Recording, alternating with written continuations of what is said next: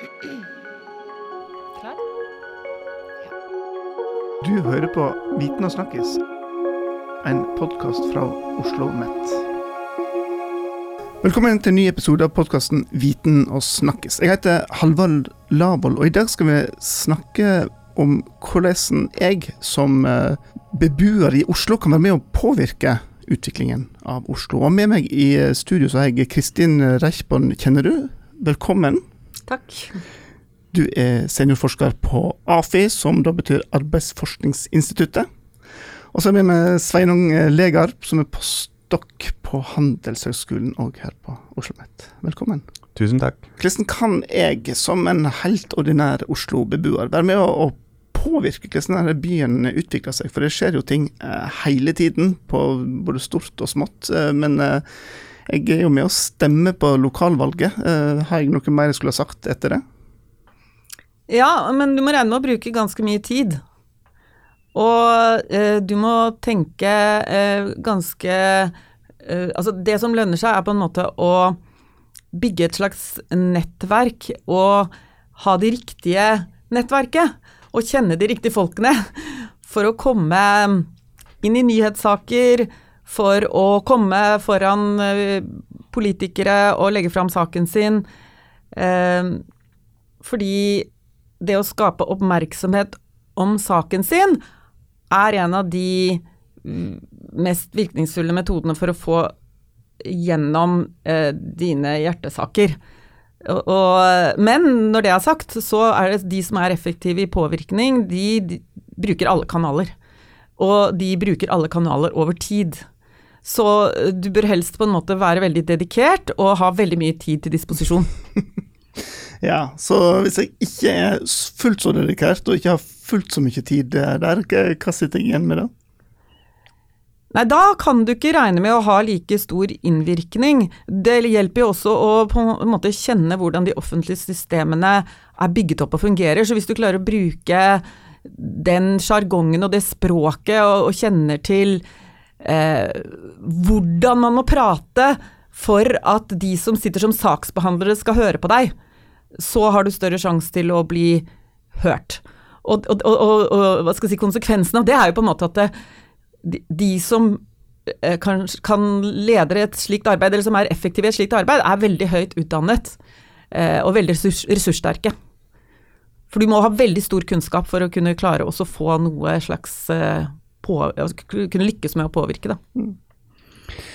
Så, så, her er jo Kristin inne på et veldig sånn sentralt problem. At det finnes en lang rekke påvirkningskanaler og deltakelseskanaler i Oslo kommune eh, formelle som er åpne for innbyggerne. La oss si altså hvis du er på en måte opptatt av noe i, i nærmiljøet ditt, hvis det er en utbygging som foregår, så er det jo sånn at utbyggere, men også plan- og bygningsetaten f.eks., er eh, eh, pålagt å eh, initiere en type medvirkningsprosesser. Ofte så tar det form av en høring, så da kan du sende inn en melding eh, om hva du synes om en type eh, en planlagt utbygging, en planlagt sak, inn på noe som heter Si din mening, som er en, en nettside for dette. Eller du kan prøve å få politikerne som sitter i bydelsutvalget til å uttale seg om saken i din favør. Og da kan du bruke åpne halvtime i bydelsutvalget.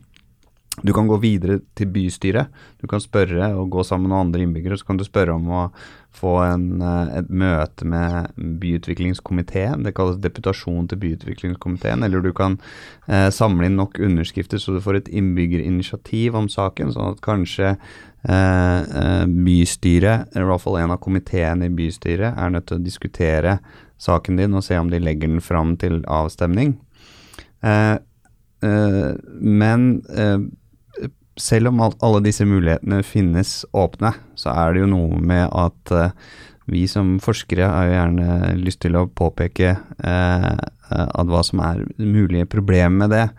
Og det er jo det som Kristin er inne på, at uh, de aller mest ressurssterke er de som kan utnytte disse kanalene, eller klarer å utnytte disse kanalene best. Og det viser jo, altså Oslos egen publikumsundersøkelse viser at det bare er et lite fåtall av innbyggerne som opplever at de har, og veldig lite eh, prosentandel av innbyggerne som opplever at de har innflytelse på politikken gjennom valg, eller mellom valg. Mm, mm. Mange flere eh, opplever at de har en viss innflytelse eh, via valg, men eh, i perioden mellom valg så er det, så er det et veldig lite sjikt som er de høyest utdanna og mest ressurssterke, som Kristin var inne på. Vi har i tillegg gjennomført en spørreundersøkelse som tyder på eh, mye av det samme.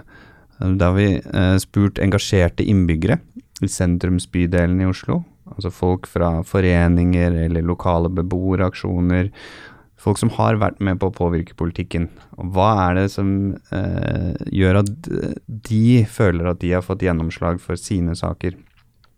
Og da sier de at de bruker disse formelle deltakelseskanalene som vi var inne på, men det som gir innflytelse, og de har opplevd at på en måte har gitt dem innflytelse, er denne direkte kontakten med politikere, og eh, til en viss grad også byråkratiet, da, men gjerne denne direkte kontakten med politikerne. Og det krever det noe å oppnå. Mm. Ja.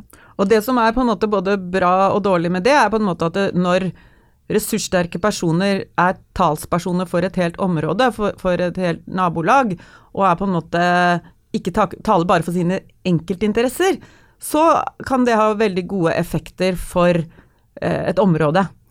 Men hvis de på en måte har veldig sånn særinteresser, som er spesielt eh, gagner dem, så kan det jo bli litt sånn farlig for demokratiet. Og det er jo også noe som myndighetene er litt sånn engstelige for. ikke sant? At det, de som er veldig flinke til å bruke systemet, de kan også bruke systemet til å få eh, Hva skal jeg si eh, Offentlige Den utviklingen til å liksom gagne bare dem istedenfor hele fellesskapet, på et vis. Og, så de er litt på en måte litt sånn redd for det. Eh, noen ganger så er det nesten sånn at liksom valgdemokratiet er bedre enn direktedemokratiet.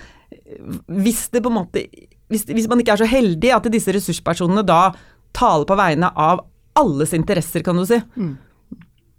Men, men, Vil du gå så langt og si at dette er et demokratisk problem, når det er så vanskelig at du høres ut som du har master i statsvitenskap for å måte komme gjennom? Ja, ja, det vil jeg si. Jeg vil si at måten du organiserer medvirkning på i dag, krever veldig mye tids- og ressursbruk av enkeltpersoner og av, av myndighetene selv. Og at eh, medvirkning er feil organisert. Altså, du later som du skal gi folk eh, eh, Du skal la folk få være med å bestemme hvordan deres nabolag skal eh, se ut, og, og det er ikke tilfellet. Hvis, hvis, man skulle hatt reell medvirkning, så måtte folk som bor i et nabolag blitt hørt før man setter i gang eh, planleggingsprosessene med utbyggere. For etter at eh, de planleggingsprosessene er satt i gang, så har ikke kommunen heller noe de skulle ha sagt, omtrent. Ikke sant? Og det blir på en måte litt sånn skinnprosess, hvor man tikker boksen og ja, her har det skjedd medvirkning, utbygger har gjort medvirkning. Men så ofte så er det sånn enten fordi at de ikke har nok kompetanse på medvirkning, ikke helt skjønner hva egentlig det innebærer, og det gjelder jo veldig mange, det gjelder kommunen selv også. de de setter i gang store prosesser og engasjerer masse folk, og så blir alle irriterte fordi ingenting skjer. ikke sant? Alle, det, alle, alle, det er ingen som egentlig skjønner hvordan de kan gjøre det effektivt. Og da blir det på en måte veldig mye tidsbruk, mens folk forventer at de skal, ha, at de skal få noe innflytelse, når de faktisk ikke får det. Mm. Hvis, hvis, jeg kan legge noen ting til, så er det jo Du kan jo på, på den ene siden eh, si at det er en styrke eh, for eh, demokratiet at eh, det er eh, Altså mange opplever at det er relativt lett å komme i kontakt med politikere og kunne påvirke den veien. Altså at det, det er kortere vei til politikken enn nok det oppleves i veldig mange andre land. Eh, men det er jo klart det er jo et demokratisk problem eh, hvis det er sånn at det er et lite sjikt av befolkningen som både er engasjert i partipolitikken og også i den interessepolitikken mellom valgene. Da har ikke den eh, demokratiserende effekten som man gjerne ønsker. Mm. Dere har undersøkt det som blir kalt områdeløft. Hva er det for noe? Okay, så Områdeløft var noe som eh, kommunen begynte med helt på slutten av 90-tallet, som handler om ekstra satsinger i forhold til å bedre levekårene for folk som bor i et område av byen hvor levekårene er dårligere i utgangspunktet enn andre steder. Sånn at i, i, i, dag så er det områdeløft i Groruddalen, det er på Søndre Nordstrand, og i tillegg på Grønland og Tøyen. Og det er dette områdeløftet på Grønland og Tøyen som vi har eh, sett mest på i dette forskningsprosjektet som vi er en del av, som heter Demedigg. Um, og, og, her er de spesielt opptatt av medvirkning, dvs. Si at innbyggerne skal trekkes med inn i prosessene som fører til forbedringene i dette nabolaget. Så eh, eh, Altså, det er en dette innebærer bl.a. Liksom en del sånn fysiske oppgraderingsprosjekter.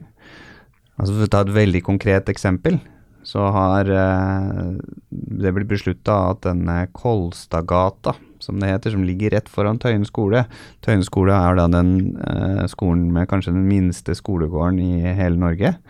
Eh, og den skal nå utvides da i en, det som tidligere var en bilvei foran Tøyen skole.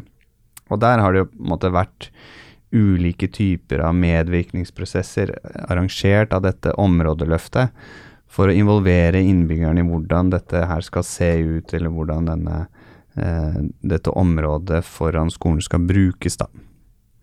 Eh, og eh, her legges det jo mer ressurser eh, på Grønland og på Tøyen ned i det som kalles innbyggerdeltakelse eller innbyggermedvirkning i hva slags tiltak som skal settes i gang, enn andre steder i byen. Og Det er jo derfor vi har vært interessert i hvor godt er det det funker, da. Mm. Altså, det trekkes gjerne fram uh, av kommunen sjøl, av, av, både byråkrati, men også av politikere, på et uh, eksempel på noe som uh, burde til en viss grad liksom etterleves av andre, altså andre deler av Oslo også. Når det gjelder liksom, graden av, av innbyggermedvirkning. Um, og, så er spørsmål ja, så, så er, Vårt spørsmål er hvor, eh, hvordan er det dette er lagt opp? Hvordan fungerer det? Eh, vi har vært også spesielt opptatt av okay, hvordan bruke sosiale medier liksom andre typer digitale form for digital medvirkning. Da. Det har også vært en interesse for oss. Um, men det vi Og det vi ser, um, det er jo at dette områdeløftet har klart å engasjere grupper uh, som eh, vanligvis ikke er delaktige i å påvirke politikken eh, eller påvirke hva kommunen gjør mellom valg. Altså folk som kommer, eh, er kanskje født i et annet land enn Norge. Eh, folk som eh, er uten jobb, som bor i en kommunal bolig. Eh, eh, og tilsvarende. Men det lider samtidig også fra det som ofte kalles for da parkbenkproblemet.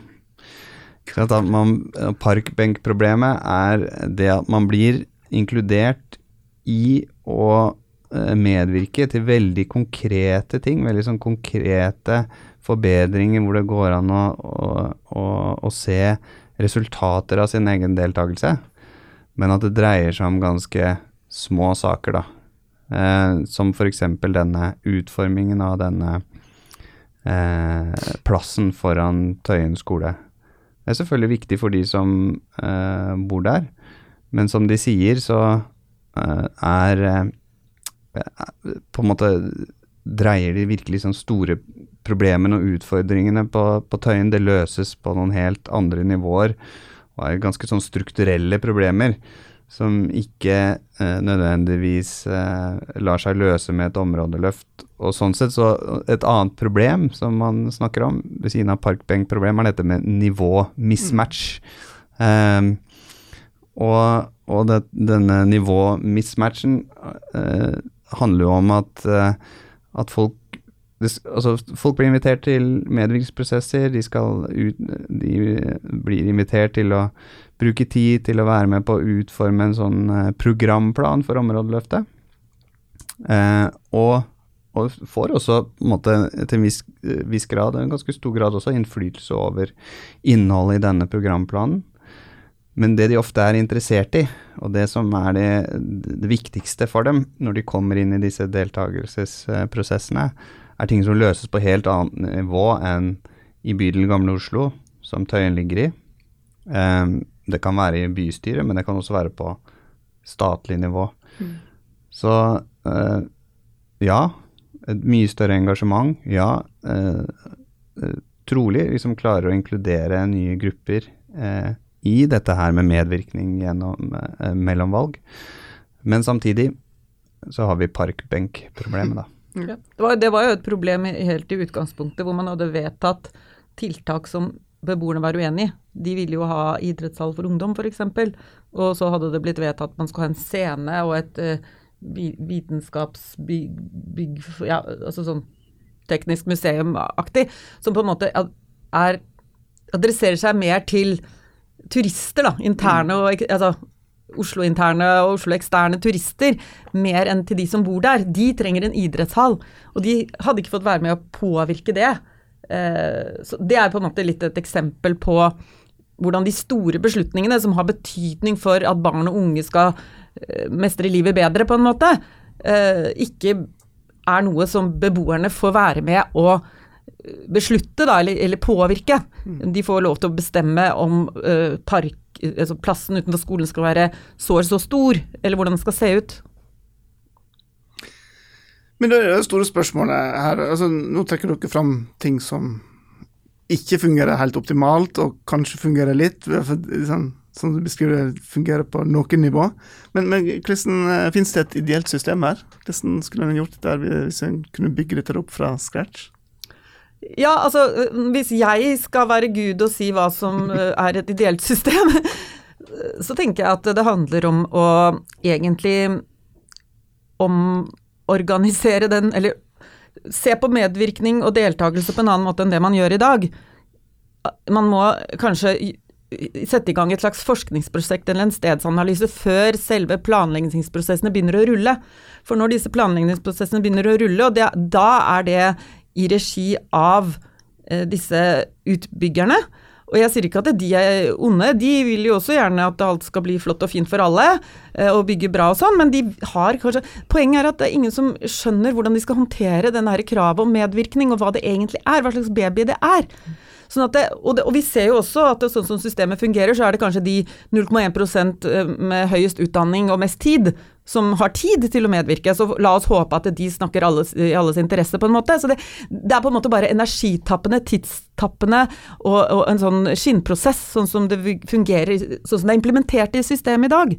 Så medvirkning er flott, vi alle vil ha deltakelse, men la, la, la Jeg vil kanskje si at det, det er bedre å gjøre en grundig forsknings eh, prosess på forhånd, en slags stedsanalyse hvor man hører alle, liksom forstår stedet geografisk og historisk, og ser de som bor der og hvilke behov de har og hvilke sosiale utfordringer som er der. Og så kan man begynne å tenke ja, hvordan skal vi eh, nedfelle dette i noe fysisk, eh, hvis du skjønner hva jeg mener. Mm. Det tror jeg hadde vært ekstremt mye bedre tidsbruk for alle. Flere jobber til forskerne, altså? Eh, ja, altså Nå er det jo sånn at uh, det er konsulentselskaper primært arkitekter som blir ansatt av kommunen, så det blir mer sånn konsulentbruk i staten av dette kravet om medvirkning. Vi, og, da, da, ikke, og det viste jo spørreundersøkelsen vår også, at det, ja vel, nei, vi klarer ikke å håndtere dette medvirkningskravet. Så, ja, la oss sette ut til noen konsulenter, noen arkitekter, vet, de vet hva de driver med. Så det blir jo på en måte konsekvensen uansett, kan du si. Det er, men det er kanskje bedre å gjøre en grundig jobb i, i forkant av at, at, disse stakkars utbyggerne skal fikse alt. De har jo ikke kompetanse til det, de. Mm. De bare prøver å gjøre som de blir forventet av dem, og så tikker de i boksen, og så, så sitter de i plan- og bygningsetaten og sier ja, men dette er jo crap, dette her gir jo ikke mening, liksom. Hva er dette for noe, liksom? Og så har de ingen sanksjonsmuligheter. De har ikke noen mulighet til å si dette her kan du ikke kalle medvirkning, dette her var, det er ikke bra, liksom. Ikke sant? Så, så det er bare sånn det er sånn eh, man, alle sitter og gjør noe som de tror er forventet av dem, og så gjør de noe dårlig, og så bruker bare alle tid på tull. Istedenfor at man kan gjøre en ordentlig jobb i forkant, og så blir det bra. Mm. Så der har du løsningen. Sveining, har du sett for deg noen løsninger òg? Uh, Altså På den ene siden så, så, så, så, så ville det jo eh, best Medvirkning ville eh, fungert best i en ideell verden, ikke sant? hvor folk har, eh, er, har lik tilgang til ressurser, like mye tid. Eh, like godt skoletilbud, like eh, like muligheter til arbeid osv. Men det har vi jo ikke, ikke sant. Og og, og, systemet er jo også lagt opp sånn at det er utbyggerne som i stor grad formulerer planforslag i, i Oslo i dag. Um, og, og, hvor det handler om at politikere og, og kommunen på en måte kan justere eh, disse i etterkant.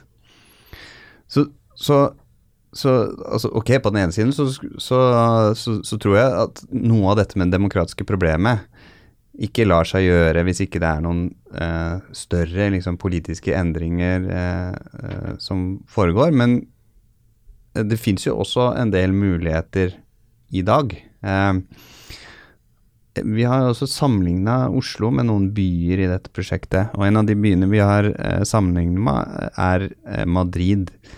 Og i Madrid så turte man å være eh, i, i, mye større grad modig da, når det gjelder dette med innbyggerdeltakelse.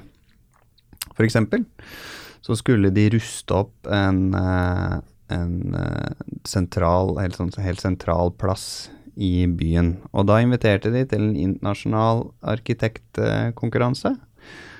Og når eh, kommunen da hadde sila eh, en viss eh, mengde forslag, eh, så eh, lot de det være opp til innbyggerne å stemme over hvilket eh, forslag som de ønska. Altså, det er bare ett eksempel på at, eh, at, det går an å være litt modigere når det gjelder medvirkning. og i all hovedsak så ble jo resultatet av akkurat denne avstemningen ble ganske fint, fint område. En annen ting de gjorde i Madrid, var at de eh, hadde noe de kalte for deltakende budsjettering. Eh, det har de også forsøkt på Tøyen eh, og på Grønland, hvor de har eh, latt eh, eh, interesserte innbyggere stemme over ulike typer midlertidige tiltak eller aktiviteter da, som det går an å gjøre i byrommet. Men i Madrid så satte de av ca. 1 milliard kroner i året til nyinvesteringer som da igjen ble stemt over via en sånn digital plattform som de kalte for Madrid bestemmer. Morsomt. Og eh, det finnes jo en lang rekke andre byer i, rundt omkring i Europa og resten av verden som også gjør tilsvarende ting. Sånn at det går an å være eh, mer modig her også, og, og seriøs. Spesielt når måte, Oslo kommune har satt uh, seg fore å være en sånn foregangskommune når det gjelder medvirkning. Mm. Ja, jeg vil bare liksom si også at uh, det som er litt interessant ved å sammenligne Madrid med Oslo, er jo på en måte at i Oslo og Norge så har vi jo et sånn høy tillit til politikerne våre, mens det motsatte er tilfellet i Spania og i Madrid. Uh, disse, dette politikerne mm, på Demos deres slagord var jo også eh, 'dere representerer ikke meg'. Altså dere politikere representerer ikke meg. Og det er jo på en måte noe av grunnen til at de ville ha direkte demokrati. Fordi de stolte ikke på at politikerne brukte felles midler til deres interesse.